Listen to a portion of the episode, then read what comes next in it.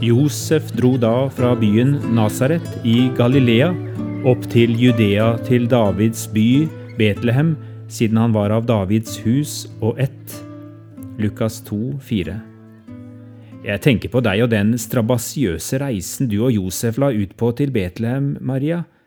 Elisabeth så nesten litt strengt på Maria. Hvor lang tid brukte dere? Tre dager, sa Maria. Det ble de tre lengste dagene i livet mitt. Det må ha vært en forferdelig opplevelse, utbrøt Elisabeth. Ja, sa Maria, jeg var både utslitt, redd og sint. Redd for å miste barnet og sint på Josef. Vi hadde våre tøffeste krangler på den reisen.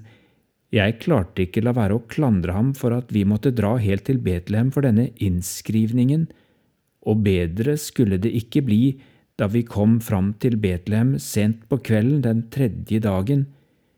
Josef hadde lovet meg at han hadde familie som kunne ta imot oss, men da vi kom fram, viste det seg at ingen hadde ventet oss, og alle gjesterom var fylt opp av andre nære og fjerne slektninger i samme ærend. Visst er Josef god og rettskaffen, han tilpasser seg uventede situasjoner, men denne kvelden ønsket jeg at han kunne planlagt bedre. Det fikk han sannelig høre idet jeg kjente at riene begynte. Nå visste jeg at Jesus skulle komme, men der sto jeg alene midt i et veikryss mens Josef sprang fra hus til hus og banket på dører. Akkurat da tror jeg vi begge kjente oss ganske mislykkede som foreldre. Vi var redd vi hadde sviktet både Gud og det hellige barnet, sa Maria alvorlig. Kongen blir ikke reddet av stor styrke.